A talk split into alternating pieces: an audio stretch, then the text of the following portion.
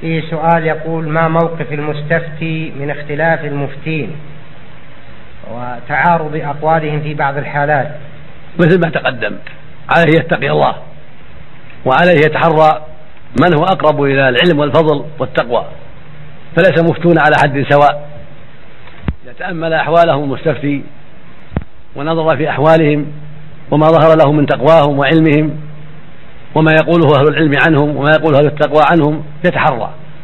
يتحرى ويأخذ بما هو أقرب إلى الخير وما هو أقرب إلى طمأنينة قلبه وانشراح صدره. والغالب أنه متى اتقى الله وسأله التوفيق وأن يشرح صدره للحق في الغالب أنه يوفق ويهتدي لما هو الأرجح. نعم.